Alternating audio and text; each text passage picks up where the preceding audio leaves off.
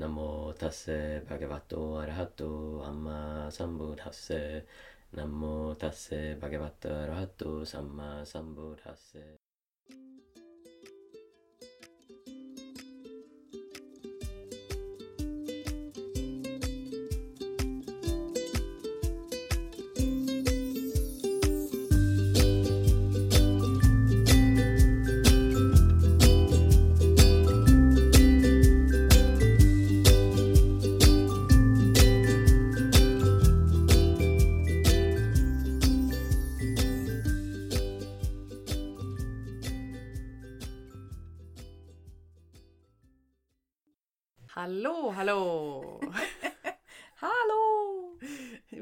tillbaka med ett nytt poddavsnitt. Mm. Nummer sex va? Ja, det stämmer. Idag ska vi intervjua vår, vår vän Martin Pettersson. Han har en spännande historia med sig med att ha varit munk ett antal år. Han har mycket visdom den mannen. Men jag tänkte innan vi börjar med det så måste vi ju berätta lite grann om, om vårt första re- retreat. Retreat. Retreat! Jobbigt ord som vi hade för några veckor sedan. Ja. I Ja. början av augusti hade vi ett retreat nere i Laholm. Eller strax utanför Laholm. Med åtta deltagare.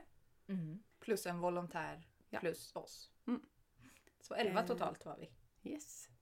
Ja men det var jättekul. Spännande och det kändes så kul att det äntligen blev av. Vi fick ju skjuta upp det i, vi hade ju ett planerat i våras men vi fick ju sk- skjuta upp det på grund av Corona. Eh, Så nu äntligen blev det av. Eh, Så det var jättekul. Känns det inte helt sjukt? Eller jag tycker i alla fall att det känns helt sjukt. Du och jag höll i en flera dagars kurs med liksom allt vad det innebar för så Faktiskt. många människor. Det är coolt tycker jag. Mm. Modigt. Jag är ja, väldigt stolt över oss. Att vi Ja, vågade jag det. med. Och det var ganska mycket grejer som jag gjorde för första gången. Alltså vissa övningar som jag höll i och så. Som jag eh, kanske, ja men som någon övning hade jag bara hållit i under mindfulness-utbildningen men aldrig liksom en riktig grupp så. Nej. Och ändå känns det som att du har gjort det i hur många år som helst. Tack. Ja, men jag kände mig avslappnad. Det kändes bra. Jag hade barriären nere och eh, kände att jag släppte prestationer och det får bli som det blir.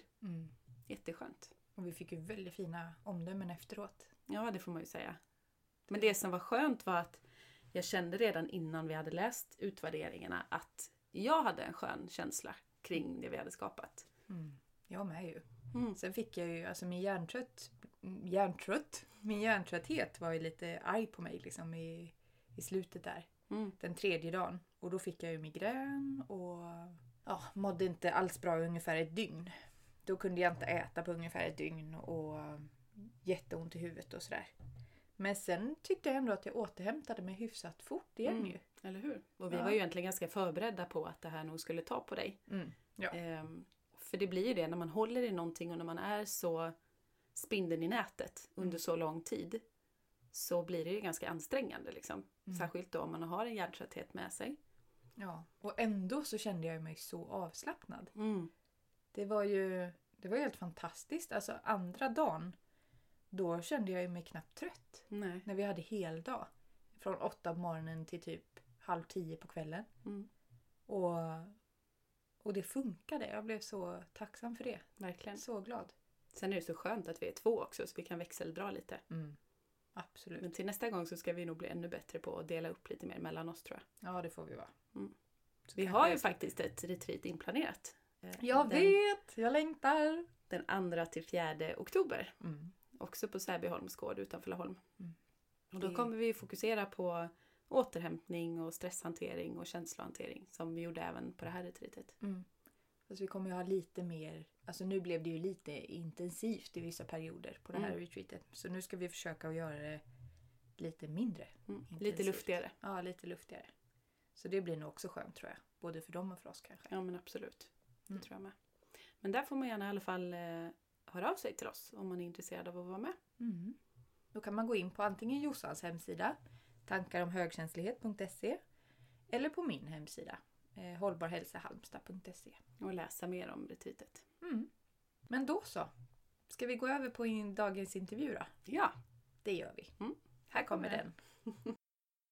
idag har vi med oss Martin Pettersson. Välkommen. Tackar så mycket. Vi har eh, pratat mycket om att det hade varit jättespännande att ha med dig i podden för att du har mycket intressant livshistoria och även ja, men spännande reflektioner och mycket spännande tankar tycker vi.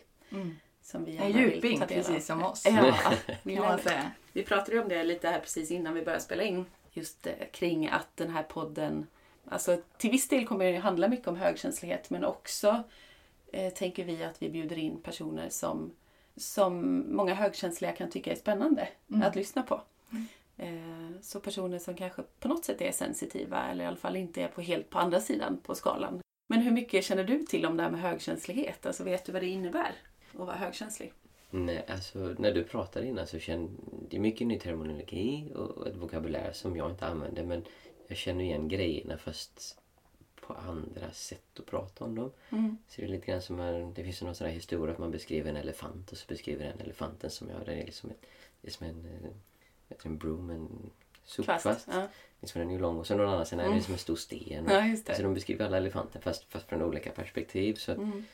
HSB verkar ju vara liksom ett, ett ja, man har tagit allt det där så satt ihop det till ett paket. Liksom här, så här beskriver det och så funkar det för vissa. Sen, jag har Mm. träffat jättemånga som har precis det här som ni pratar om fast Mm. de hade ju aldrig kallat för det utan de kanske är mer åt det spirituella hållet där de Just det. anser att det är energi som flödar och man pratar med folk och saker. Och, Mm. Alltså, så känner igen det men, men på ett annat sätt Mm. skulle jag säga. Och det är ju som, jag vet inte om vi har sagt det tidigare, men jo det sa vi nog i något tidigare avsnitt. Det finns ju massa olika självtester man kan göra på nätet för att se om man är högkänslig. Man kan inte gå till en läkare och få det fastställt för att det är ingen diagnos utan det är ett personlighetsdrag. Ja. Men däremot så brukar man säga att det är fyra grundkriterier som ska finnas med och har funnits med sedan man var liten. Eh, Och då är det DAS, D-O-E-S. Där D står för att man har en djupare bearbetning. Eh, att man tänker och reflekterar och behöver kanske lite tid på sig att processa saker. Man behöver tid för att bearbeta ja, men känslor och tankar och så överhuvudtaget. Eh, o står för att man lättare blir överstimulerad, alltså stressad.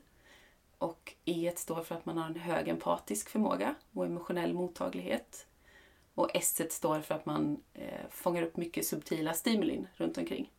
Och så att man är medveten om, om mycket som kanske går andra förbi. Mm. Mm. Man lägger märke till mer saker Detaljer än vad som- andra gör. Ja, men både Mm. ty, typ hur, hur andra människor mår, om det är någon stämning i något rum. Mm. Eller med detaljer runt omkring, Mm. rent fysiska detaljer. Liksom så här. Mm. Och det kan ju även vara, alltså som för många högkänsliga barn framförallt, eh, så vill de gärna klippa bort lappar, du vet, i kläder, sånt som Va? kan skava. Det är så jävla jobbigt. Ja.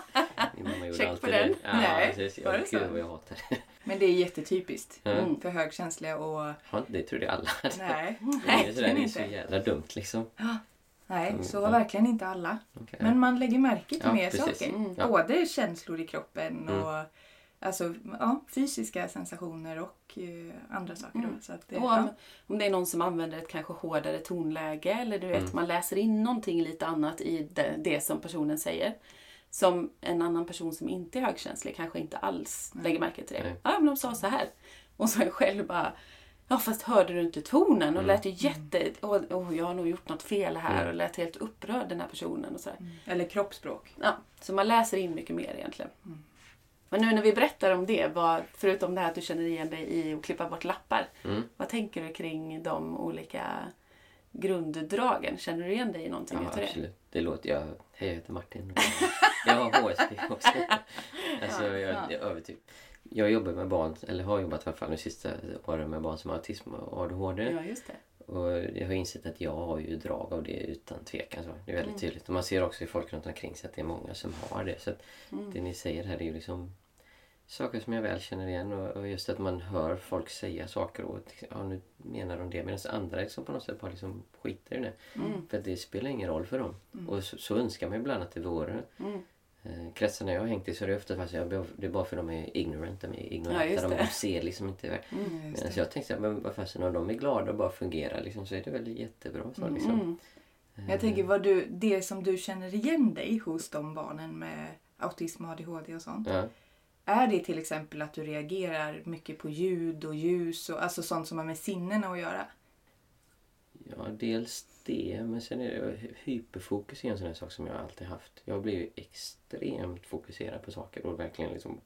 Det blir vi med. Ja, alltså... Har, har, eh, när man väl har kommit in i något så har man Ja. jättesvårt att avsluta det. Precis. Då vill man bara fortsätta när man är i det flowet. Det, så. ja, precis. Och det går inte att stanna. Det är som om vi ska gå och lägga oss och så säger tjejen så här. Då så har jag fått en idé i huvudet. Liksom. Och jag undrar om man skulle liksom... Badtunna ska jag ha liksom på altanen. Liksom. Då kan jag inte bara gå och lägga mig. Utan då måste jag kolla upp hur ser badtunnor ut. Vad kostar de? Hur kan man bygga dem? Behöver man liksom... eh, Kan det vara i trä, metall, rostfritt? Vad gör man dem av? Liksom, hur lång tid tar det ungefär att göra dem? Så att för att min hjärna ska hinna avsluta den processen så behöver jag liksom ofta stanna ner den. Eller Ja. åtminstone hitta något sätt. Ibland funkar det att göra så enkelt som att man skriver ner. Mm. Och så liksom, när jag kommer ihåg det här så kan jag lägga det. Men Mm. medan tjejen hon kan ju liksom bara, ja men det tar vi imorgon. Eller vi har en diskussion och vi kanske har lite halvbråk om någonting. Kan man inte bara lägga sig mitt i det liksom? Nej. Men jo, jag är för trött nu. nu ska vi sova. Så, ja, men dels, dels det men också Alltså jag ty- tycker många av de barnen jag jobbat med, de, jag, de har inte så jättemycket bekymmer med det här att de är överkänsliga. Utan det är mer att det är känslorna för dem som Mm. de, tar, alltså de har svårt med andra barn kanske. Mm. Hur det fungerar och hur de ska hitta sin roll. De vet inte hur de ska bete sig Nej. Normalt. Eller Mm. så. Hur, hur, hur hänger man bara med kompisar liksom? Mm. Jag har också alltid tyckt det är lite konstigt sådär. Hur kan man bara, liksom, bara vara med dem? Utan mig är det mycket lättare om vi gör någonting. Mm. Eh, Så de jag funkar bäst med det är saker om vi, om vi bygger tillsammans. Mm. Eller om vi eh, flyger, jag flyger modellflygplan. Liksom, då kan man prata om det. Eller om man sjunger i en kör. Eller liksom någonting som på något sätt...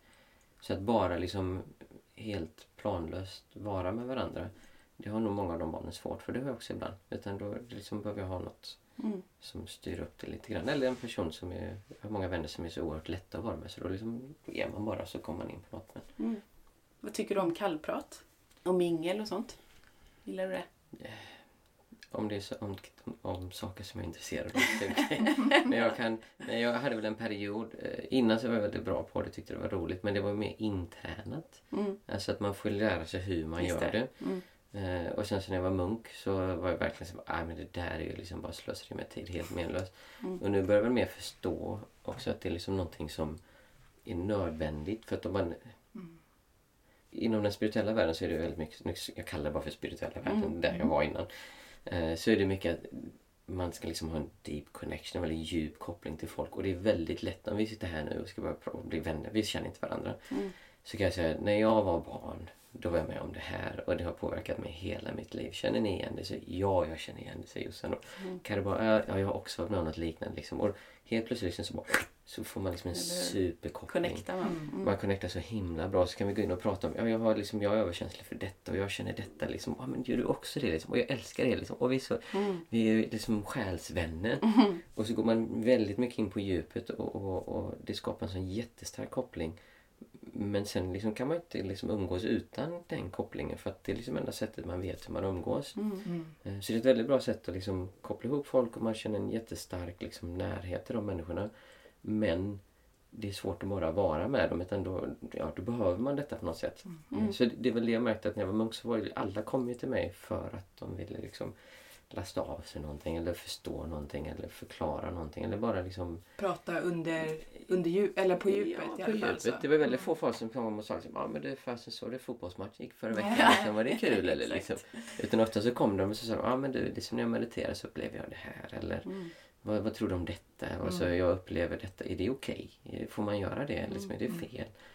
Så det var väldigt sällan. Och då fick man ju en väldigt stark koppling. Så, liksom. så det är ju nästan lite fusk på säga. Det är väldigt lätt att göra det.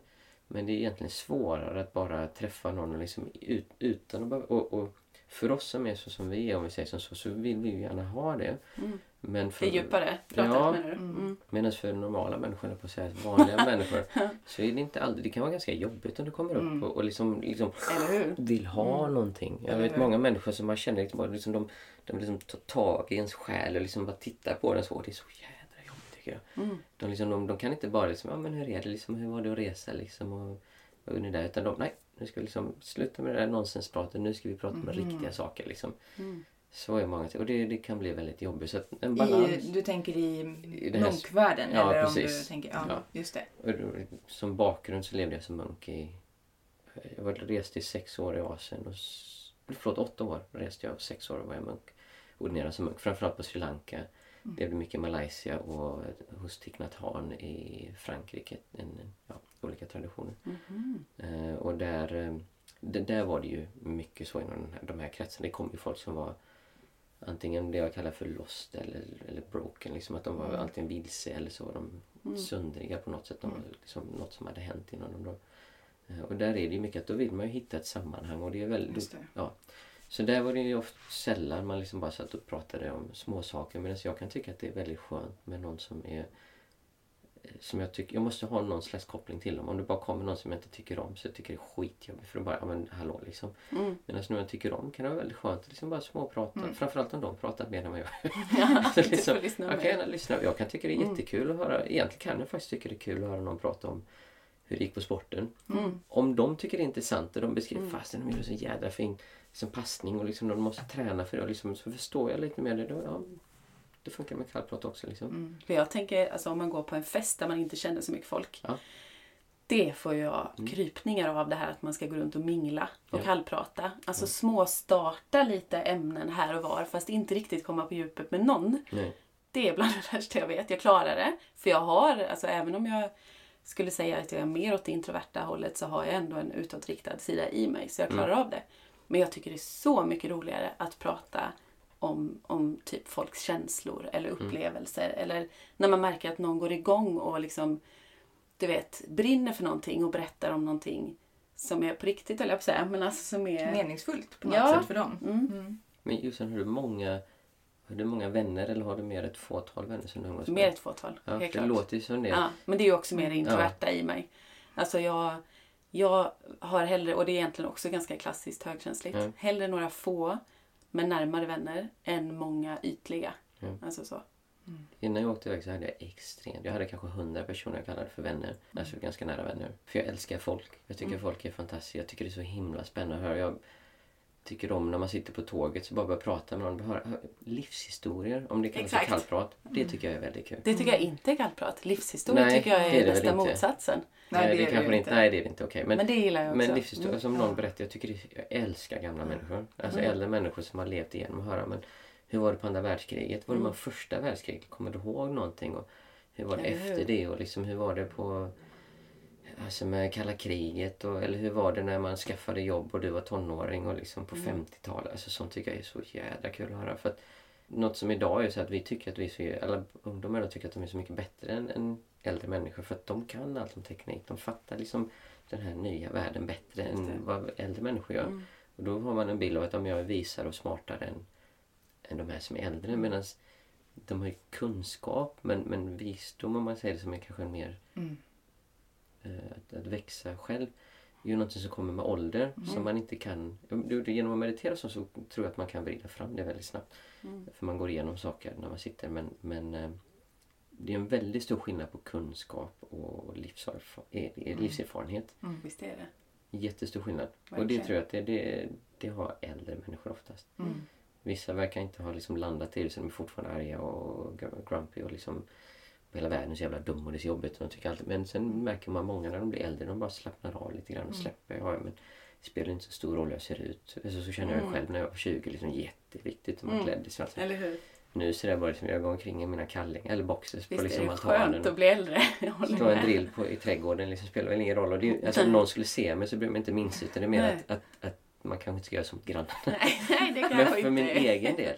Så spelar det ingen som helst roll. Liksom. Utan det är mer att för att inte andra ska tycka man är... Och jag, eh, när jag var munk så rakade jag av oss håret och hade liksom inte... Det var jätteskönt att slippa bry sig. Mm. Eh, Jag hade bara ett, eh, en sorts kläder på mig hela tiden. Gud vad skönt. Mm. Alltså, Behöver man inte tänka så mycket på det här liksom. Men jag tänker på det, du och jag har ju känt varandra i typ 15 år. Det är ju lite roligt för vi var nog ganska olika från början ändå och det känns som att vi har typ landat i samma nu. Alltså vi har gått igenom ungefär samma stadier fast olika, olika tillfällen i livet. Nu de senaste åren har vi ju tappat kontakten tyvärr lite, lite mer. Ja. Så att jag känner att jag har inte samma koll på dig längre. Jag har haft en utbrändhet också så det gjort att jag har ju dratt mig tillbaka. Vilket Ja, du har också haft det tufft. Så att då drar man ju sig ja. naturligt tillbaks. Och så omständigheter komma tillbaks till vanliga världen efter att ha varit munk. Det är ju i sig själv väldigt svårt och Mm. oerhört konstigt på många sätt. Ehm, Ja, det här vill jag dyka in i. Du har ju nämnt några tillfällen nu det här med att du har varit munk. Kan Mm. du inte berätta hur det kom sig att du blev munk? För det gör ju inte vem som helst. Alltså, det är ju ändå ganska ovanligt.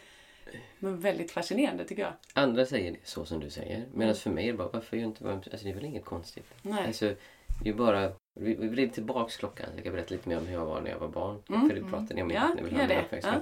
Så, så när jag var liten så var jag, jag, jag, var, jag, har nog allt, jag har nog varit väldigt högsensitiv när jag var barn. Så där, liksom att jag, hade, jag märkte saker, jag, var liksom, jag försökte förstå världen. Jag hade inte lika lätt även för att bara umgås utan jag ville gärna liksom lära mig hur gör man för, för, för att liksom Mm. umgås. Vad, vad är det man ska göra liksom? Mm. Det kom inte jättenaturligt till mig. Sen är det vänner så det funkar naturligt med men, men många gånger fick jag lära mig hur det fungerar. Och jag blev bra på det också. Eh, och jag försökte förstå, vad, men vad är meningen med livet? Här fråga. Allt det här liksom, vad, vad ska man göra? Jag frågade liksom pappa, så här, men vad, vad ska man göra? Man ska skaffa barn och familj så man liksom fortsätter livet liksom sådär genom det själv. Jaha, tänkte jag. Liksom, ja. Och jag kommer ihåg det var en, en lektion på skolan där läraren frågade så sa jag det. Jag kan svaret. och, jag, och så sa jag det. på hela mitt liv. Nej, men Torgny Hjulstrup, vår mellanstadielärare, han sa men vi, vi skulle, och det, skulle, det var ju religion tror jag. Vad är meningen med livet? Så Jag vet för pappa har berättat det för mig. Och han var så, ja det är ett annat. Och jag kunde inte, vadå, menar att det finns andra liksom, svar på den här frågan? Pappa har ju sagt det till mig liksom. Just Det är ju så här det är. Så jag har alltid försökt förstå hur det fungerar. Och sen var mina föräldrar... Jag bara- har nog alltid behövt mycket närhet, fysisk närhet. Det är så jag känner kärlek. Att man behöver liksom krama folk och man behöver liksom se folk och vara nära dem. Min fru är mer att hon behöver ha quality time. Hon måste, liksom, hon måste umgås. Jag kan tycka om vi är i samma rum och liksom hon gör en sak och jag gör en sak så vi tillbringar kvällen tillsammans. Mm. Nej, det har vi inte gjort. Det blir Vi intressant. måste det vara engagerade med varandra och göra saker. Så Annars har vi inte tillbringat tid tillsammans. Just det. Eh, väldigt intressant. Men Mm. eh, nu tappade jag tråden. Vad sa jag för något? Eh, Leta efter meningen med livet. Leta efter meningen med livet och så...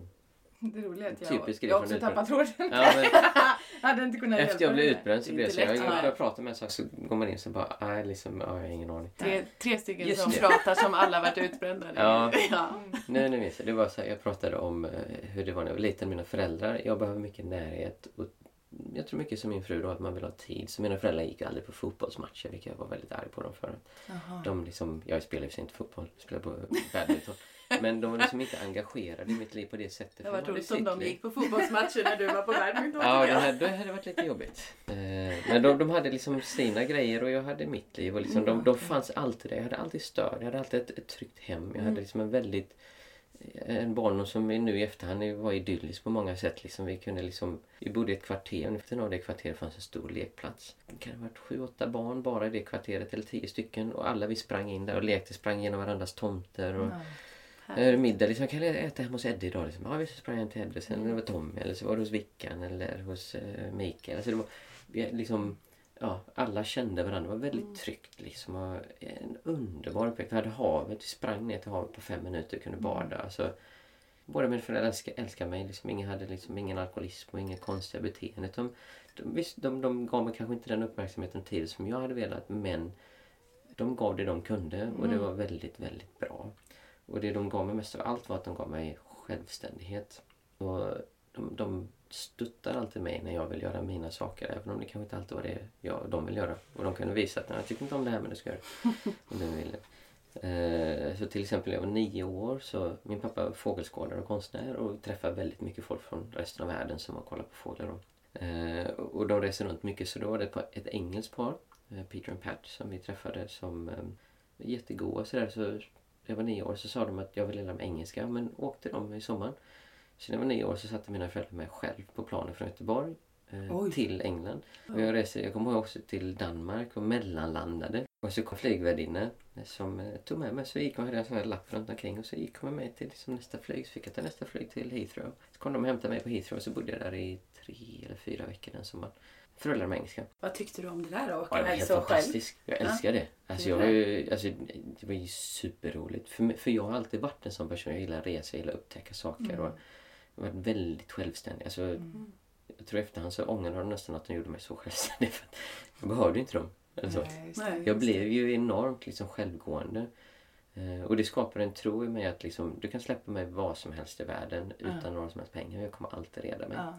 Det skapar härlig en- inre trygghet ändå. En jättestark trygghet att jag kan klara Mm. mig själv. Ehm, men det gjorde också att jag fick en kanske mindre koppling till mina föräldrar än många andra hade. Som, min fru har en väldigt stark koppling till sina, sin familj. Alltså de Mm. chattar på Whatsapp liksom varje dag, 20-30 meddelanden. Liksom. Jag bara, What? Jag ring, alltså, när jag var utomlands och reste det kunde gå månader mellan jag ringde mina föräldrar. Liksom. Mm. Så det skapade en trygghet i mig själv också liksom att jag fick eh, upptäcka världen så som den var. Liksom, eh, lärde mig språk väldigt lätt för att jag fick ju vara ute och resa. Och sen så fortsatte det då så att när jag var... jag- Men fortfarande har jag letat liksom, vad är, det- vad är det mer man ska göra? För att precis som jag hade svårt att förstå kanske i socialt umgänge så var det också men livet. Varför, alltså vad ska vi göra?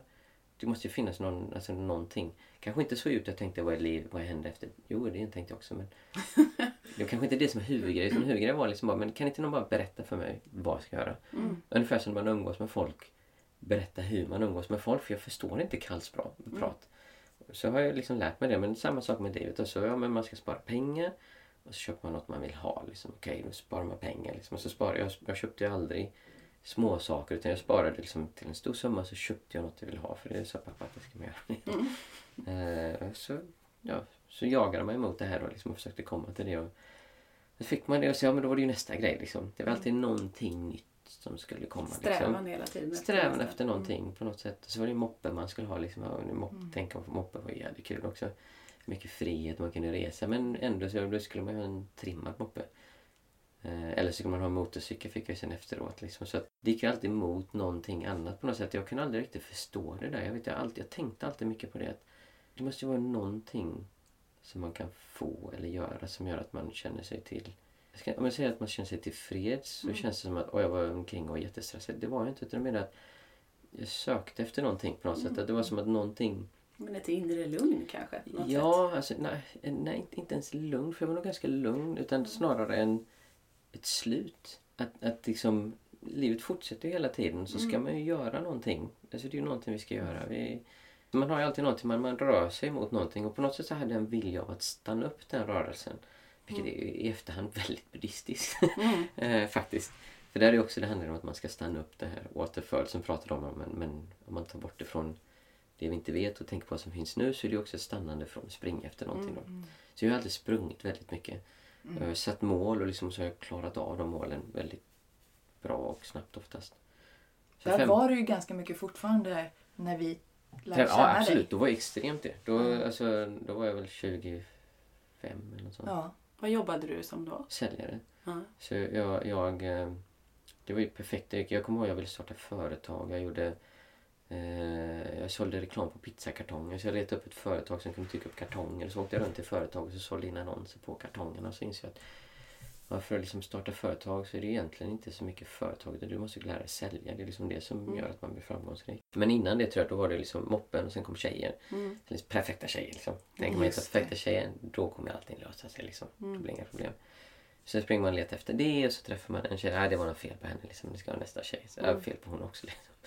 Eller det kanske var hon fast det var jag som var fel. Ja, jag vet inte hur det var. Så, så springer man runt och letar. Så det är alltid något slags... Vi söker ju alltid efter Mm. någonting. Vi vill alltid... Vi, det är på något sätt vi har en känsla inombords som inte är stilla skulle jag säga. Och jag kommer komma in på mer driv sen. liksom, driv. här. Mm. Eh, som på något sätt ska leda till någonting. Och, och många av oss frågar bara, kan ingen bara berätta vad det är? Mm. Alltså bara säg till mig. Och det märkte jag så ofta när munk, folk, folk kom till mig och sa liksom, finns en kille specifikt, han sa bara, men bara säg till mig. Ska jag gå ut och hugga ved i skogen i tre år? Säg det liksom. Om det är det jag ska göra, bara säg det liksom. Ska jag gå och leva som munk? Ja men säg det liksom. Eller vad, vad är det jag ska göra liksom? Mm. Så de som kommer till de centren är ju ofta som sagt de är kanske vilse eller har liksom blivit skadade inuti på något sätt. Då, liksom. Så de försöker ju komma ur det. De är mycket mer sökande medan i vanliga världen så är det mer man söker efter jobbet, partnern, Mm. huset, bilen. De här statusgrejerna Statusgrejerna. mer. Men det är inte så stor skillnad. I mitt tycke så tycker jag inte det är så stor skillnad. Det är ingen skillnad för mig på en person som jagar karriär och springer liksom och skippar sin familj och liksom bara, bara karriären som gäller nu. Liksom. Ska bli framgångsrik, ska skapa status, ska bli någon. Från någon som lämnar sin familj och går och lever som munk för att jag ska liksom uppnå upplys och jag ska Mm. hjälpa hela världen. Och För mig är det samma sak. Mm. Okej att det kanske är lite bättre för världen. Den som försöker att och liksom hjälpa andra människor. Mm. Men i slutändan, de är lika lost de personerna. Mm. För de söker någonting och de vet inte vad det är kanske. Men tror att om jag får det här Och många som eh, skådespelare och sånt beskriver det att de blir jätterika och väldigt framgångsrika men de blir väldigt deprimerade när det Mm. händer för att de trodde att något skulle hända när de blev så kända och så Mm. rika. Mm. Men så hände ingenting. Alltså det, det, det fanns ju ingenting där. Så vi, vi, på något sätt så har vi en slags tomhet Mm. som tyvärr inte är tomhet men, men eh, en slags störning inne i oss som vi tror vi får, på något sätt kan göra någonting åt och vi Mm. letar alltid utanför eller innanför men vi letar fortfarande efter någonting som ska hända, som ska ändra det. När du säger som tyvärr inte är tomhet, vad menar du då? Ja, för att det här är väldigt bra om det bara var tomt och inte var någonting där. Då hade Det varit stilla. skönt. Ja, då är det ju stilla. Ja, okej. Mm. Tomhet, inte tomhet så som du kanske tänker stum tomhet. Så jag sprang alltid och letade efter någonting och, och först så var det liksom leksaker, saker och sen var det tjejer och sen så var det karriär. Och sen så var det liksom, men det är säkert någon balans mellan flickvän och karriär och man ska hitta den perfekta balansen för då, då funkar det bra. Och så jobbade jag som säljare och eftersom jag är liksom autistisk i mitt beteende så är jag hyperfokus. Så jag gick jag in för det liksom superhårt. Så först så jobbade jag som säljare. Jag sålde varuavskiljare på, eh, på Mhm. eh, alltså kassorna. Och då, det är cold calling då så då ringer man ju bara till folk och säger Tjena, jag heter Martin. Jobbar för... Ja, så pratade jag om... om eh, ringde till någon du inte alls kände. Vi fick en telefonkatalog. Martin, du har A till C. Jaha. Kalle, du har D till F. Mm. Eh, och så fick man bara ringa liksom rakt upp och ner så till företag. Och det är tufft. Alltså, då får man verkligen känna sig det. själv. Jag har många som säger nej, många som blir arga. Mm. Medan andra som bara vill prata. Och sen vissa som tycker att ja, det är klart jag ska köpa. Och andra som... Ja, det, det är en väldigt tuff Det, kan marknad. jag, ja, det tänker jag på ibland när det ringer Mhm. telefonförsäljare. Att jag försöker att ändå vara trevlig. Mm. För många är så här, jag vill inte, hej då! Du Mm. vet så. Jag försöker ändå så här, ah, hej hej, ah, jo, nej men jag är inte intresserad av det här. Men, och så ibland fortsätter de ju och pushar och pushar och pushar tills man nästan, du vet, måste bli otrevlig. För att man verkligen försöker så här, Så du, nej bara- tack. Men det, där är ju för att du har en känsla av att jag måste vara på ett visst sätt. Mm, Som säljare så är det nästan skönare om de bara säger nej tyvärr tack jag Mm. inte och så lägger du på. Mm. Du har sparat deras tid. mm, Det är inte så jobbigt att ta någon som säger nej tack jag vill inte ha. Medan så fort du börjar prata med dem då kommer de försöka hitta en öppning. mm. Och om du verkligen är bestämd på att du inte ska ha det så gör Mm. du det bara värre för dem och du mår dåligt av det. Ja, jag tycker även ibland när man är sådär snabb liksom. Nej Mm. tack, jag är inte intresserad. Jo, men varför inte det? Du vet. Då då brukar jag verkligen lägger du bara på. Ja, men åh, det är så Precis, för jobbigt det tycker är jag. hos dig det är jobbigt. Oh, Så gör det snabbt. Där kommer min högkänslighet verkligen in. Och det är det som är vi svenskar har ju väldigt svårt när vi är utomlands. Så det är sådana här, vad heter de, hawkers som säljer saker på stranden och sånt. Vi är ju Mm. värdelösa. Mm. För vi kan ju inte bara säga liksom nej tack. Medan ser man i arabländer och sånt så är det så naturligt att de liksom bara, "Nej, men fuck you liksom. Ja, Mm. förlåt. Eh, Dit dig liksom. Vi ska, Ja. liksom. Jag skiter i vad du säger liksom. Det spelar Mm. ingen roll liksom. För det är del, del av deras kultur. Man, Ja. liksom, man häglar och man går in och snackar om saker så det är inget konstigt. Nej, nej, det är ju olika det där. Så typ, vad kom in på det var det Du säljare, just det. Jag jobbar som säljare med varuskiljare. Det var jättetufft. Sen började jag på annonsbokningen Edsa här inne i stan och då sålde för, ja, vi, vi var en fristående säljenhet. Ni vet inte, jag tror inte de finns kvar. Sak Ah. samma, det, liksom, det, då var ju, alltså då hade man en koppling. Ofta så ringde vi liksom typ SKF Volvo. De var, sålde produkter till Volvo. Då hade man ju en anknytning. Cold calling ringer utan att någon som helst anknytning. Ska skapa en koppling så du kan sälja Mm. något. Nu var det liksom Hej, jag ringer för, på uppdrag av Volvo för vi Mm, jobbar just med det. deras eh, matrikel. Och Ja, liksom, just det. skitlätt så jag blev ju jätteduktig där. Alltså det blev ju, Ja. ja. Och så hade jag ett mål, ja i varje fall, jag, jag ville bli bra säljare. Jag hade ett mål, jag tjäna så här mycket pengar. Jag tjänade mer pengar för 15 år sedan än jag tjänar nu Mm. faktiskt. Så eh, då liksom, när jag når det målet, då liksom, det är det som jag springer efter. Mm. När det kommer, då, då kommer någonting hända liksom. Eh, ungefär samma sak som flickvän. Men flickvän kan man ju liksom bortförklara för att det var ju fel tjej såklart. Mm. Det ska bara komma rätt tjej. så det kommer väl förr eller senare. Men, men med jobbet så tänkte jag, där har jag liksom ett mål. När det händer, då, då kommer någonting hända. Och så gick det jävligt bra. Jag liksom dubblade min liksom lön hela tiden. Till slut hade jag en lön. Liksom, det här var det jag sökte efter. Och så nådde jag det. Och jag glömmer aldrig när jag fick lönebeskedet den månaden. Liksom jag hade satt min, det var nog inte ens lönebesked. Jag tror bara jag avslutade. Jag gjorde sista avslut för att nå upp till det då. Och så gick jag hem. Och så tänkte jag liksom, wow. Jag har gjort det liksom. Jag kommer ihåg hur det liksom nästan var lite sådär stramt inne mig. Jag har försökt övertala mig själv.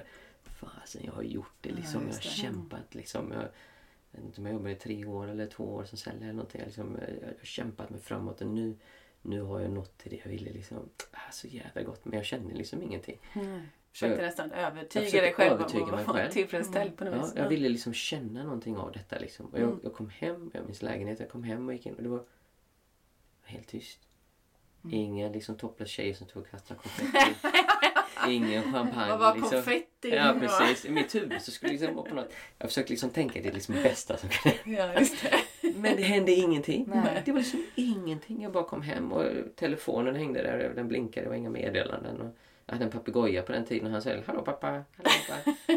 Men det var precis samma sak som alla andra Gojan? Ja, gojan. Jag kommer ihåg gojan. Jag kommer ihåg Ja, grå det. Just Så det. han var hemma och jag kom hem och det var liksom... Jag gick runt, jag kommer ihåg så väl, jag gick runt i lägenheten och tittade och jag var liksom så bara... Det är ju ingen skillnad överhuvudtaget. Och jag verkligen gick och tittade på saker och liksom nästan kände så här. Och det var en slags... Om vi går in till non-dualistic experiences, eh, icke-dualistisk upplevelse kan vi prata om sen.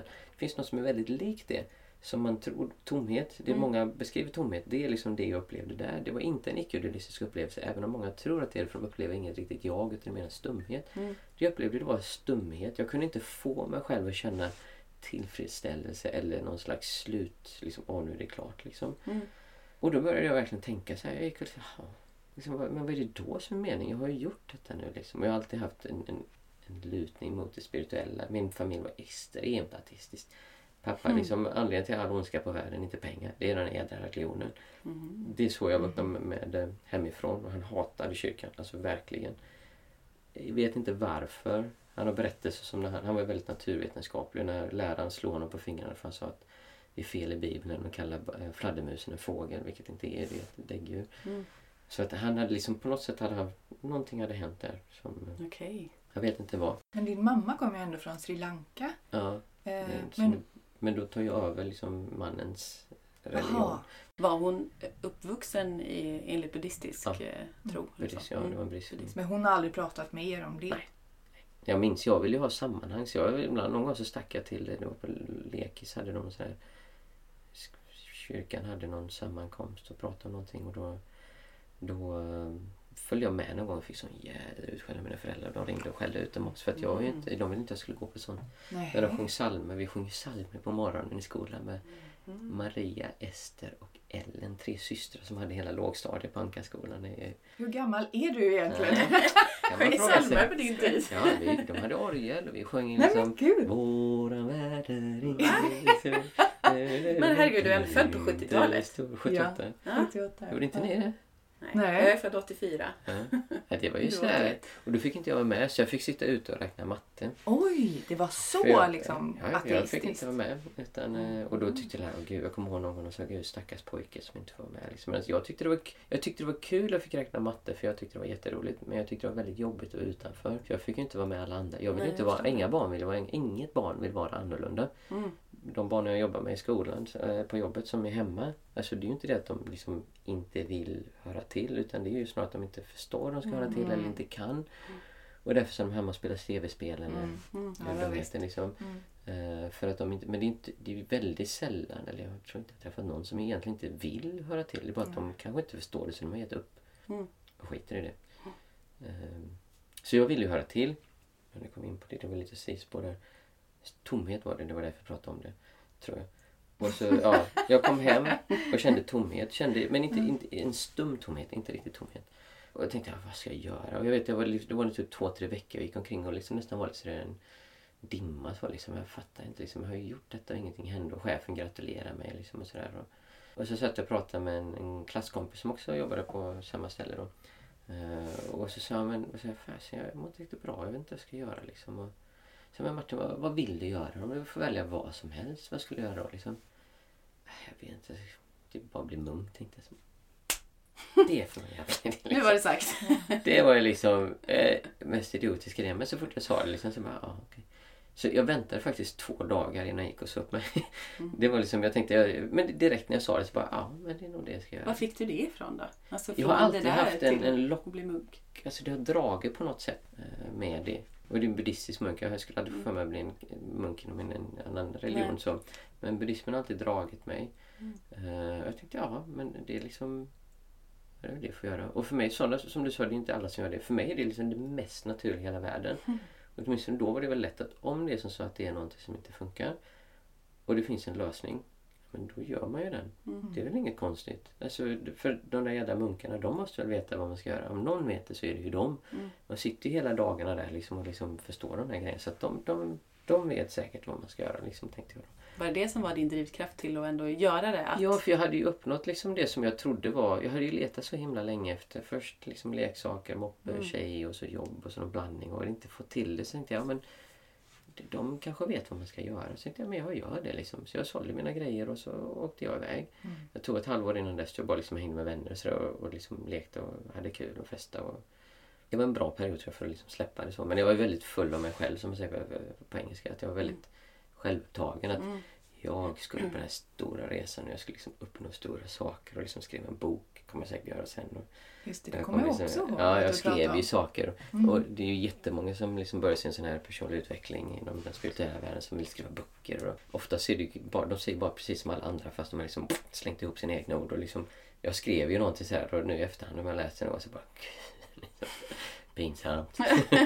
ja, men jag hade ju bara liksom, man vill så gärna dela med sig av den här nya världen som man Mm. upptäcker som inte är samma som den andra. Man tror att det liksom, man har något speciellt där. Så man, man, du går från att försöka känna dig speciell från att tjäna pengar, se bra ut och ha statussymboler till Mm. att du ska vara speciell genom att har spirituella upplevelser, Mm. träffa spirituella människor. Mm. Kolla här, jag träffade Dalai Lama. Mm, jag var faktiskt och såg Dalai Lama liksom, woho! Selfie, jag här och han 500 meter bort liksom, för han stod på en scen.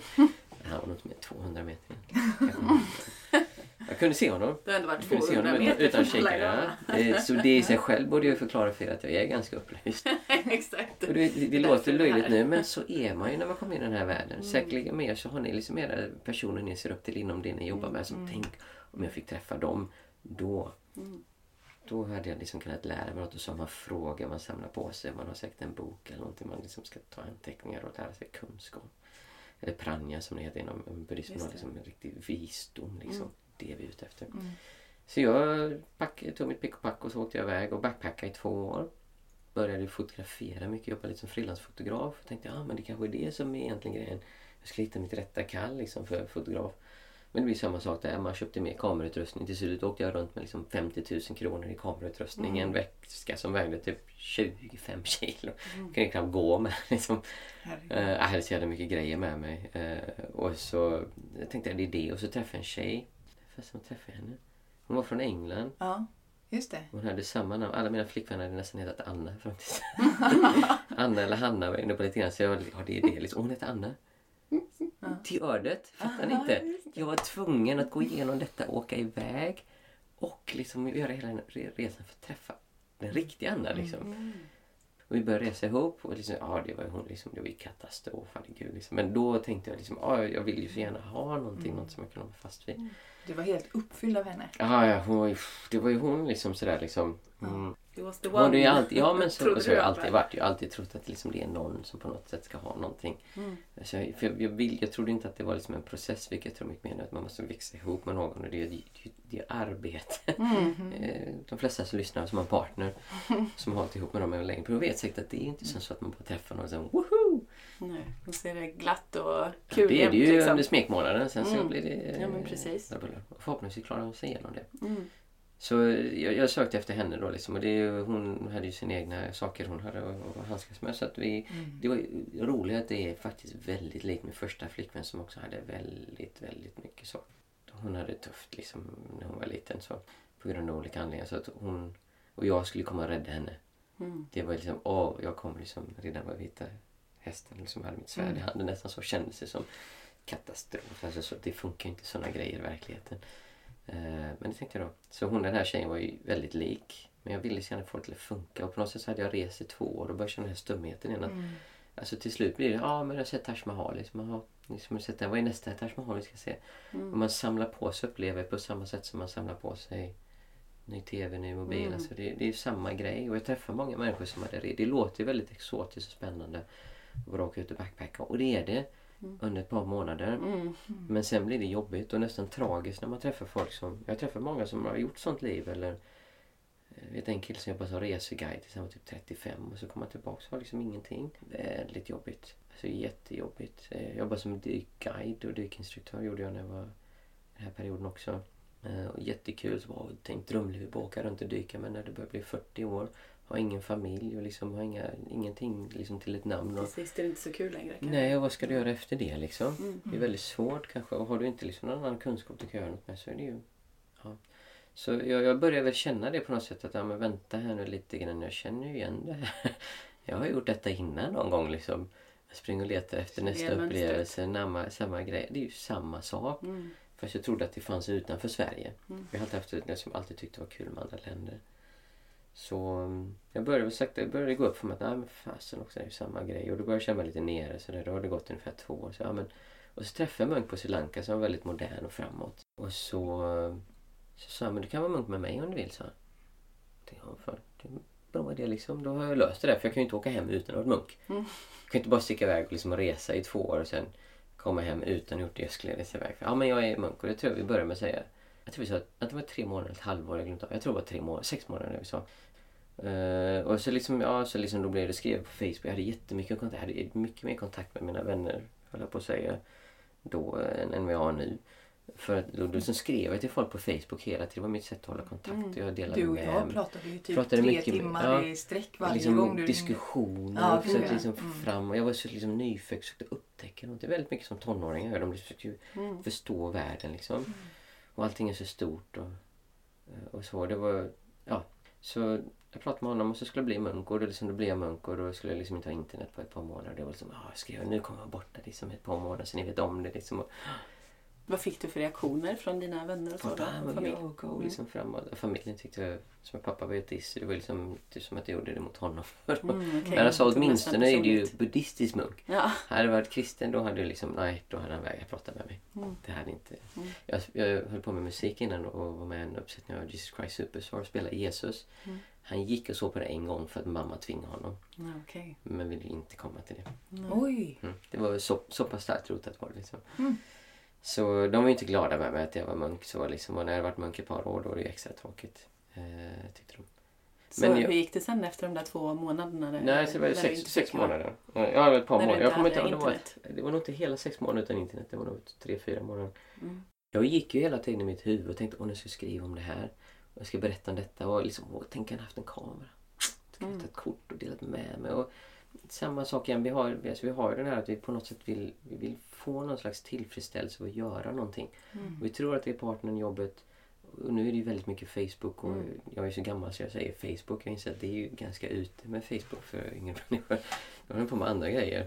Instagram Eh, mycket. Mm. Instagram och Twitter och sånt här. Twitter fattar jag inte alls hur fan orkar folk med. Nej, inte Alltså, allvarligt. Jag tycker det är så jobbigt. Bara, nej, det är ju, ja. Så då, då, man lägger mycket tid på det. För att om folk likar det, om folk skriver, det finns ju Mm. böcker skrivna om det här. Att den känslan jag vill få från min karriär, det är ju det folk försöker få Mm. från liksom, sociala medier. Vi springer och jagar efter det. Bekräftelse mycket. Bekräftelse väldigt Mm. mycket. Och det kan vara samma sak med, med liksom folk som startar Youtube-kanaler eller en podd. Man vill ha bekräftelse Mm, liksom. mm. Och det är väl okej till en viss del men det är bara att får vi det väldigt mycket så mår vi dåligt av det liksom. För vi har inte den stabiliteten inom oss själva att bara må bra. Alltså jag, i, I min tro så ska vi inte behöva göra något överhuvudtaget utan för, för att behöva må bra. Men jag är uppväxt med att man ska jobba, man ska göra det här. Så jag har alltid trott på något sätt. Jag trodde när min pappa- gick bort för ett par år sedan tänkte när det händer då kan jag släppa det. Men, ja, det fanns ju kvar. Alltså, det är väldigt djuprotat i våra samhälle att man Mm. ska göra något. Ehm, och jag tror bara liksom hur vi är som människor så dras vi till ett sånt beteende. Och även om du skulle växa ut själv ute i skogen så, så tror jag att man dras åt det. Mm. För då ska vi samla nötter och så skapa liksom ett hus. Och, ja, men, Det där med drivsystemet. Drivsystem, vi drivs ja. Jag hade ju slutat att ha min mobil och kamera och så skulle jag ha en period utan det. Och jag gick ju hela tiden och bara tänkte på vad, hur jag skulle beskriva det för andra människor. Liksom. Mm. Så jag var ju inte riktigt där och jag började meditera men jag märkte ju ganska tydligt att det hände ju liksom inte så där jättemycket. Utan de munkarna jag var med, det var vanliga liksom, slankesiska munkar. De gick på, de liksom sjöng, man skulle lära sig sånger, chants, väldigt viktigt. Mhm. Är sångerna rätt? Jag- Jag sjunger bäst av alla liksom. Så här, jag, jag kan det här liksom. Jag ska lära mig de här och så sjunga på pali. Och det är liksom liksom... Da, da, sjung då. Ja, kan du inte Jag, bjuda var, på någon nej, jag sån? kommer knappt ihåg. Det var så här, Namo tasse bhagavato arahato amma sambuddhasse. Namo tasse bhagavato arahato samma sambuddhasse. Itipiso bhagava arahang samma sambuddho vidya aranes. Faktiskt glömt av. Men då Vad betyder ju, det då? Eh, Jag vet inte. Nej. Vad är det för språk? Ja, det är pali det. Är liksom, san, tänk er sanskrit Och så ur sanskrit så kommer pali ungefär som franska kommer ur latin. Eh, så, och det är det språket som de säger att Buddha talar, vilka han förmodligen inte gjorde, men de äldsta texterna från Buddha är på pali. Pali. Okej. Så alla buddister ska ju lära sig det och då skulle jag lära mig, för tänk, lära mig språket, då kommer jag förstå det. Mm. Och så, det var min nästa grej. Men, men så jag, jag lärde mig de här verserna och alla bara, "Åh, gud han är duktig. Pff, liksom, Han kommer från väst. Det är liksom, I deras är det ju Cinderella story. Liksom att Mm. en man som kommer från, eller pojke tyckte jag själv, men en man som kommer från liksom västvärlden släpper allt det världsliga och börjar leva som munk. Buddhismen är sann, mina Mm. vänner. Liksom, förstår ni? Så för dem var det väldigt stort att jag kom. Liksom. Men jag satt där och tänkte, jaha men ska vi inte liksom... Jag, vadå att jag kan ett annat språk? Jag kunde inte jättebra men jag kunde liksom ord och kunde sjunga liksom. Ja men de är heliga verser. Mm. Men liksom när man sjunger dem så uppfylls man av liksom positiva energier. Så här. Men Kände du det då? Ja, De det kan vara väldigt energierna. lugnande. Mm. Alltså det är väldigt skönt. Alltså, när vi satt liksom tre munkar och man sjunger, det blir lite hypnotiskt. Och så sitter det en massa människor och det är rökelser och väldigt stilla miljö oftast och dofter och liksom en, en skön miljö och man har buddhastatyn. Och de har ju stora associationer till det för de, många grät ju för att det var så fint tyckte de då. Mm. Så det, var, det var inte alls att det inte var något speciellt men jag kan ju tycka det är väldigt skönt och lugnt att gå ut i naturen. Mm. Det betyder ju inte liksom att det är på något sätt är liksom en religion eller något eller någon som kallar det för det också. Men, men att det är liksom något, eh, något speciellt med det. Utan det är bara att sjunga. Om vi skulle Mm. sätta oss här och börja sjunga liksom en massa saker så hade vi också känt liksom. Mm. Men det är ganska skönt liksom. Och lugna, vi sitter och blundar, vi mediterar och någon sitter och pratar för språk jag inte förstår. Eller ibland pratar, fick jag prata på engelska och liksom berätta saker. Det, liksom, det var, ja, det var absolut fint på många Mm. sätt. Men det är liksom inte som så att det gjorde underverk på något sätt. Liksom. Så Hur jag- länge satt man och mediterade då? Som längst liksom? De mediterade inte så mycket de här munkarna. Nej, okej. Alltså, De flesta munkar mediterar inte för de är så upptagna med att göra riter och ritualer för att Mm. folk döper, eller de döper inte ett barn i fött så kommer man och gör någon ritual. Någon har dött och så kommer man dit och säger det är mycket mat. Mycket mat. Bjud på mat så kommer vi liksom. Mm. Det var verkligen som så. Eh, när, när någon har dött, jag tror jag, nu kommer jag inte ihåg, kanske helt fel, men jag tror det är åtta, må- åtta dagar och tre månader så ska man ha en fest och då bjuder man in folk så kommer de och äter så sjunger vi liksom för att blessa Mhm. deras själ, eller inte själ, inte, men deras, den som går vidare till nästa liv så att de kommer så högt som möjligt. Och Det är inte varje- själen alltså? Som går Nej, vidare? De ser ju inte på en själ, för själ är ett, oför, ett oföränderligt, höll på att säga. Den är oförstörbar. Mm. Själ kan inte försvinna medan det vi tror på, inom, det man tror på inom buddhismen är att det är någonting som kan utplånas, alltså som ett ljus. Tänk dig elden som brinner på ett ljus. Och så brinner ljuset, sen har ena ljuset brunnit kvar, då kommer nästa ljus liksom. Mm. Eh, men du kan då också uppnå nirvana, vilket är blåsa ut ljuset. Mm. Medan inom typ hinduismen eller andra religioner så finns hinduismen tror jag kallar för atman, det är det som alltid förs vidare, eller typ Mm. själen. Mhm. Som på något sätt är beståelig och som man inom kristendom då säger att om du gör fel då kommer den hit, gör du rätt så kommer du dit. Mm. Så man har ju något som inte försvinner. Mm. Jag tror i alla fall inte att kristendomen säger att själen kan försvinna. Nej, jag tror inte heller. Nej, utan den är då bestående. Inom eh, hinduismen så återförs man, buddhismen så återförs man till sig så att du har liksom gjort tillräckligt rätt så att du inte återförs. Mm. Och det är ju det som är målet. Och eh, sluta det här sankara, det hjulet som snurrar runt fullt av lidande säger man. Så, Så- man vill inte återfödas Nej. utan man vill att det ska... Nirvana är att det liksom bara är Det är bara stopp. stopp. Det är inte ens himlen då. Mm. Utan Det är- då... Himlen finns med på de olika, det finns 32 nivåer av eh, efterlivet inom buddhismen. Mhm. Och himlen är typ steg 27 kan vi säga. Så det finns andra steg över det. ja. Mycket bättre. Ja, Kom till oss så kommer du högre.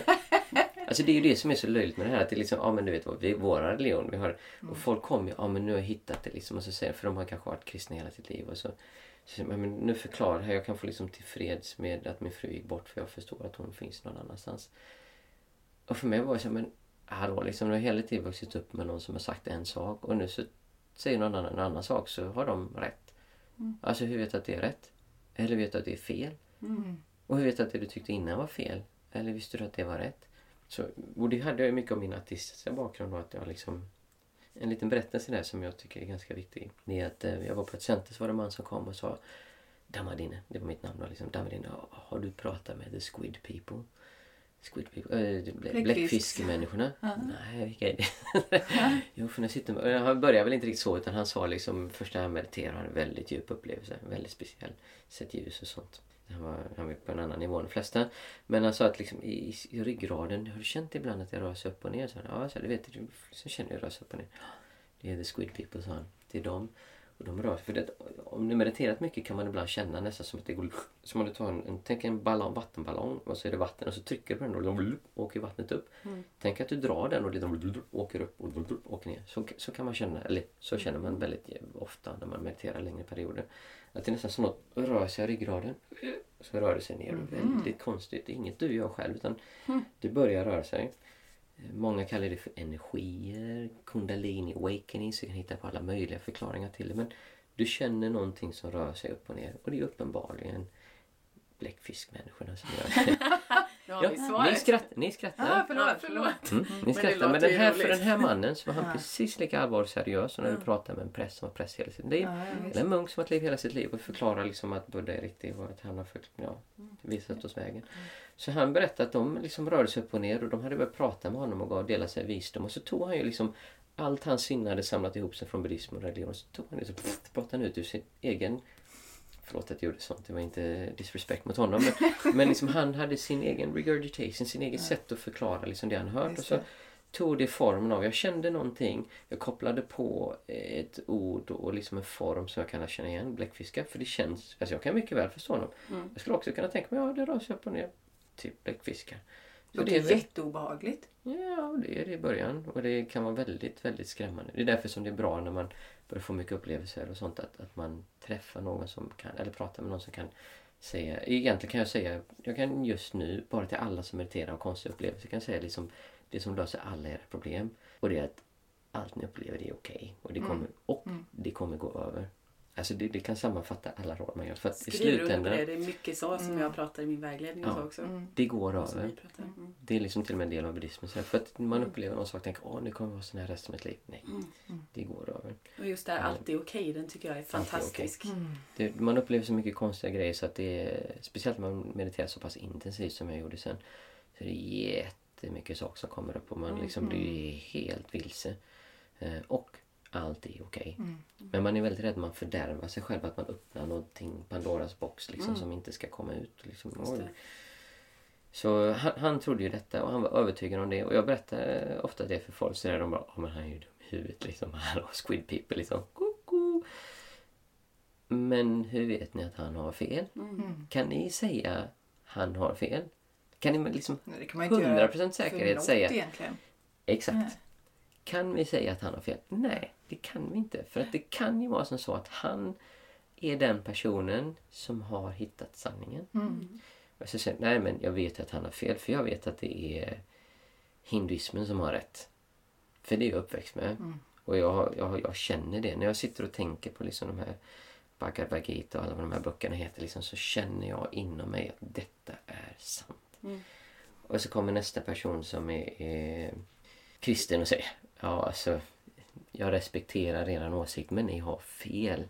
För i Bibeln så står sanningen. Det är väldigt, ja, I Bibeln så står sanningen och allt det ni säger. Jag kan se att lite av det ni säger är sant för det står i min bok. Mm, det. Eh, väldigt intressant att prata med Jehovas vittnen när de kommer för att alla diskussioner i slutändan leder till att vi kan prata med er och öppna sådär men i slutändan så har vi rätt för att i Bibeln står så här. Det finns ingenting ni kan säga som ändrar. För de har tagit tron att det som står här, det är sant. Och jag kan ju inte säga att de har fel.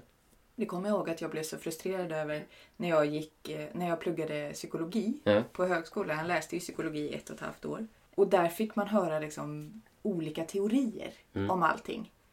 Och då blev jag så liksom förvirrad. För jag bara, men vad är, vad är sant då? Ja. Vad är rätt? Nu är det ju bara så här att men det kan vara så eller det kan vara så. Den här människan tror på det, den tror på det och sådär.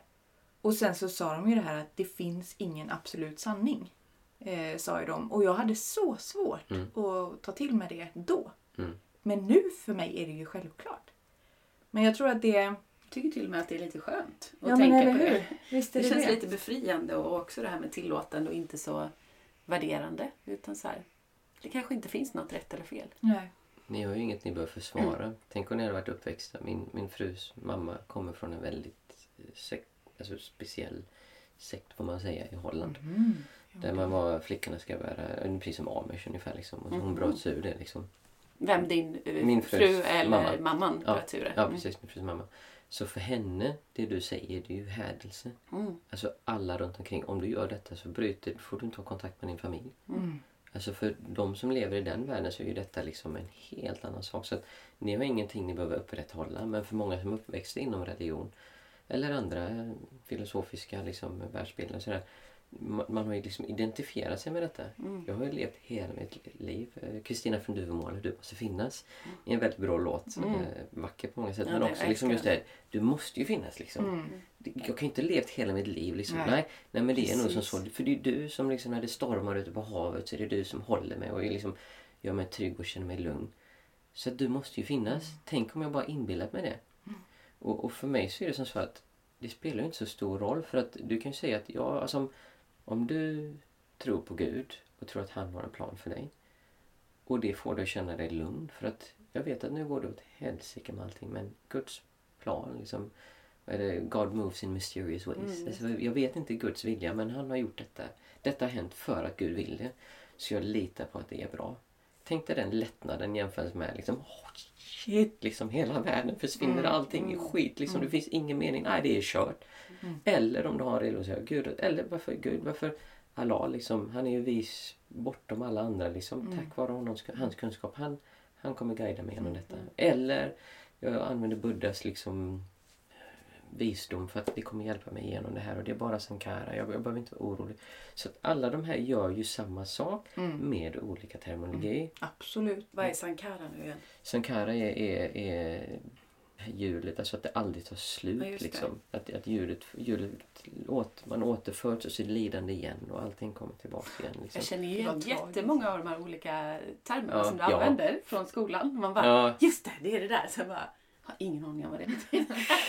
så jag var tvungen att fråga nu. Om, ni som lyssnar, om jag säger fel så får ni skriva in och rätta mig. För det är så länge sedan jag pratade om det här. Jag använder vissa av de termerna för att det är ett bra sätt att ha någonting att prata om. Men samtidigt är de helt oviktiga egentligen. Mm. Jag kanske använder någon fel också, att jag har glömt av det. För det ja, jag är inte så jätteinne i, i de orden. Även om filosofin bakom är är väldigt tydlig. Men vad sa, var det sex år du levde som munk? Sex år levde jag som munk. ja. Mm. Mm. Det är ändå så- lång tid alltså. Verkligen. Ja, det gick snabbt. Hur såg en vanlig dag ut då? När du var munk? Ja, det, om vi hoppar tillbaks lite grann så kan jag förklara liksom berättelsen hur den dagen ändrade sig. Mm. Det vi var på innan när vi svävade iväg det var ju att, att då gick jag på de här centren. Eller förlåt, då gick jag inte till center. Då låg jag i tempel, alltså buddhistiska tempel på Sri Lanka. Och då handlade det oftast om, jag vaknade på morgonen, man gick upp tidigt för det är väldigt spirituellt att gå upp tidigt. Mm. Typ sex eller något sådär. Liksom. Oh, hemskt. Ja, det blir mycket tidigare sen. Men man gick upp sex och så liksom, så liksom städade man innan och sen så kom folk med dana, då kom de med mat och så offrade de mat och då kom, det var jättemysigt. Alltså man satt, både speciellt de centren som var lite mer på byar uppe i bergen, så jag älskade det var. Då kom hela familjen med alla barnen så hade de såna här plåtburkar staplade ovanpå varandra med mat och så kom de och så och jag blev nästan hungrig när jag tänkte på det. Eh, Men alltså, då var det ju ris och så hemmalagat här dal och parippo och de hade alla möjliga grönsaker. Man äter inte som här att vi äter köttbullar med potatismos och liksom brunsås, kanske smörklick och lingonsylt. Då är det liksom, där är det liksom fem olika liksom rätter. Man, Mm. man har mycket mer smårätter helt Mm. enkelt. Så de kom med mat och så åt vi med dem och så satt vi liksom stilla och skulle vara heliga och chantade lite grann. Man tände rökelse så var det en munk som ledde liksom chantingen för det var ju blessing så alla mår ju bra av liksom, att sitta jämte statyn. Och, och sen så gick man och så satt vi åt och så sitter de stilla, så då satt vi högre än alla andra och sitter och äter och sen så sitter de lägre eh, och så äter så sitter de och tittar på oss medan vi äter. Och bara väntar på det liksom. Hur var det? Nej, det var ju no- normalt.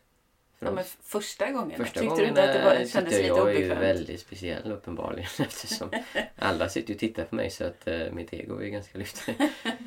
Det är väldigt bra om man vill ha starkt ego så det blir munk liksom. Och det är många som gör det av fel anledningar faktiskt. Eller fel Okej. anledningar. De kanske får något utav det de får ju, de får ju någonting utav det. Men, ehm, så det var ju lite, kanske lite jobbigt att börja men samtidigt så ja men vi är munkar. Vi är ju speciella liksom. Men ändå så var det det här bakhuvudet, ja men det måste ju vara mer än det här. Fastän sitta och sjunga sånger på ett språk jag inte förstår och bara liksom gå och städa och eh, äta mat liksom. Och sen i efterhand kan man se hur den livsstilen jämfört med att gå till jobbet och ha familj. Alltså det är ju en väldigt lugnande livsstil. Den är ju gjord för att vi som personer, som munkar, skulle liksom ha ett lugn som vi sen kunde hjälpa andra människor med. Så att även om det kanske låter som att jag dissar det lite grann så, så finns det väldigt mycket bra med det. Jag tror de här, alltså en buddhistisk munk har en lika stor roll i, i samhället där som en präst har här. Mm. Att de liksom förmedlar någonting. Förmedlar liksom att det finns mer. Precis som jag sa innan, om du tror på detta så blir man ju lugn. Mm. Sen det tråkiga blir när man håller fast vid den tron för hårt och tror att det, vi måste ha rätt ord på det. Vi måste ha Mm. mitt ord på Just det. det. Annars så ska du dö Mm. i princip. Det Det låter fel. ju behagligt, alltså när man bara hör det så här som du säger att det ändå var Ja. ett, ett lugn över dagen. Och jag tror många högkänsliga har ju, eller de flesta högkänsliga har ett behov av att känna inre frihet Mm. på ett eller annat sätt. Alltså om man känner sig förlåst eller liksom instängd eller att det är liksom ja, massa värderingar och dömanden och sanningar och allt vad det är som liksom begränsar en i livet så är det jobbigt. Mm. Så att jag tror många som, eh, som kan känna att man är på en, en plats i livet där det är väldigt trångt liksom, och kravfyllt kan nog bara, när du beskriver det, Mm. man bara ja, det där låter ju så härligt att bara få vara liksom. Inte massa andra yttre krav utan Mm. man, ja, man städar lite och man liksom får mat och sånt. Sen Mm. fattar jag att det var säkert liksom mycket Mm. annat också. Men eh, Fast jag tänker samtidigt just på det här, lugnet. det här behovet att få vara kreativ och skapa. Mm. Eh, det är ju också en, en grej som många högkänsliga har. Och det kanske de flesta människor har överhuvudtaget. Liksom. Men det kanske man inte gör så mycket när man är munk, Mm. eller? Du kan göra det på ditt sätt där. Du kanske Kan bygger det? ett nytt tempel. Ja, ja. Eller du kanske kommer på ett nytt sätt att fördela det av dammar i kunskap som man kallar för. Mm. Liksom, eh, eller komma på någon ny festival eller hitta på något nytt sätt att meditera. Eller, Mm. eh, alltså, och det är bara detta centerprat. Jag frågar mig sen så ska jag ge några, några rekommendationer på platser man kan åka till Mm. eller vad man kan leta efter om man Ja, vill ha det. säga. För att Mm. de flesta som åker iväg åker nog, det är den anledningen du säger. Mm. Man vill ha lugn, man vill ha ro bara få slappna av. Jag åkte inte på grund av anledningen. Jag Nej. åkte för jag hade ett väldigt specifikt mål. Mm. Alltså hyperfokus som jag har så hade jag liksom Jag ville förstå vad fasen ska jag göra liksom. Vad är det? Precis som du sa, jag vill ha liksom en psykologisk filosofi som är sann. Mm. Så försökte jag liksom ge mig liksom svar på vad jag ska göra med mitt liv. Alltså Mm. förklara det för mig. Eh, för jag förstår inte liksom. Jag, jag måste ju göra någonting men jag vet inte vad det är jag ska göra. Vi stoppar här för idag Jossan. Men vi fortsätter i nästa avsnitt med Ja. Martins spännande historia.